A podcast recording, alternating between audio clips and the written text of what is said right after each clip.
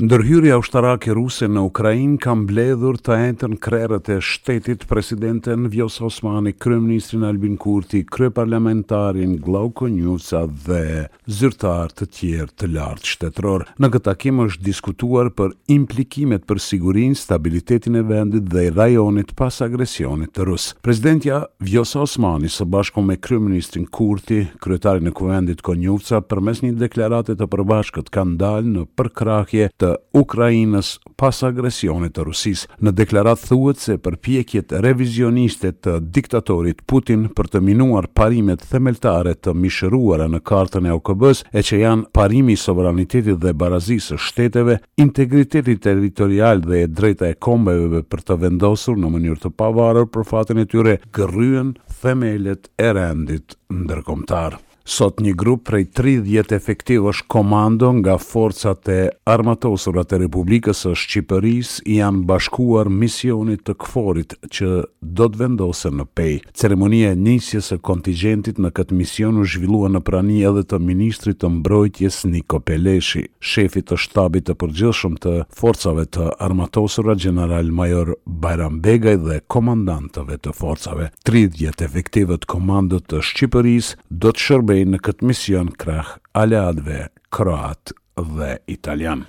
Kosova dhe Serbia janë afër arritjes së një marrëveshje në lidhje me disa dokumente. Kështu ka paralajmëruar përfaqësuesi special i BE-së për dialogun Kosovë-Serbi, Miroslav Lajçak, një ditë pas takimeve të ndara që pati me kryenegociatorin e Kosovës, Besnik Bislimi, dhe atë të Serbisë, Petar Petkoviq. Pas njëmbëdhjetë orësh negociata, jemi afër arritjes së një marrëveshje për disa dokumenta, por, siç ndodh shpesh, hapi i fundit është më i vështiri, puna vazhdon, ka shkruar Lajçak në Twitter, në takimin e ardhshëm për dialogun ndërmjet kryeministrit të Kosovës, Albin Kurti dhe presidentit të Serbisë, Aleksandër Vuçiç, i paralajmëruar të mbahet në mars, para zgjedhjeve të Serbisë, do të diskutohet për çështjen e marrëveshjes finale me Serbinë, thotë kryenegociatori kosovar, Besnik Bislimi. Tutje Bislimi tregoi se kanë biseduar në Bruksel për arritjen e një marrëveshje për energjinë, ndërkohë që mohoi pretendimet e kryenegociatorit të Serbisë, Petar Petkoviq se ai ka kundërshtuar një takim trepalësh. Konsultat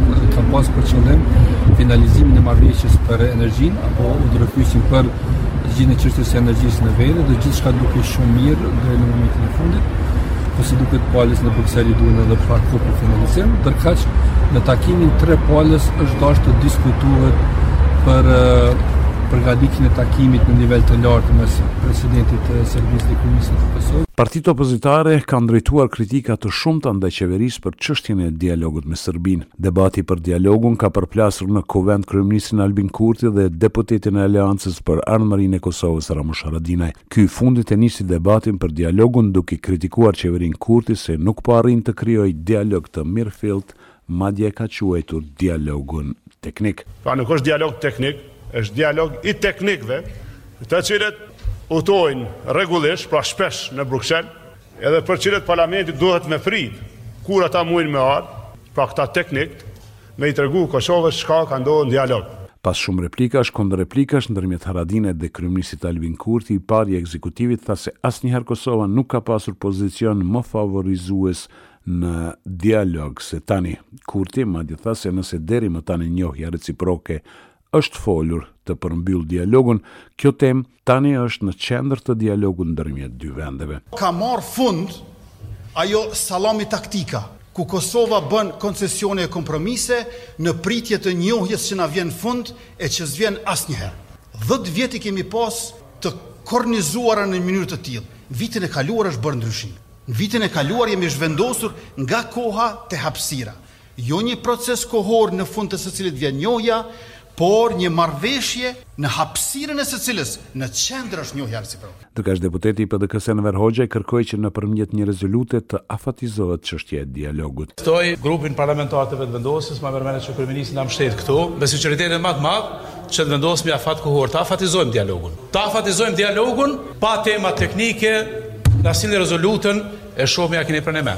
E kërkesës së Hoxhajt iu përgjigj kryeministri Kurti. Nëse ne themi që dialogu zgjat deri në këtë datë, kjo është ta dëmtosh vehten tënde në pozicionin negociator. Se mandej ti je n'zor që me sjell rezultate deri në atë datë edhe Serbia e din këtë gjë. Është gabim ashtu.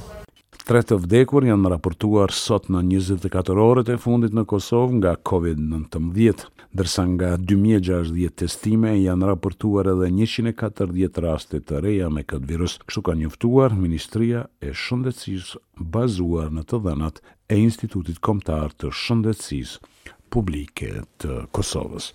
Për Radion SBS Mendu Hysa, Prishtinë.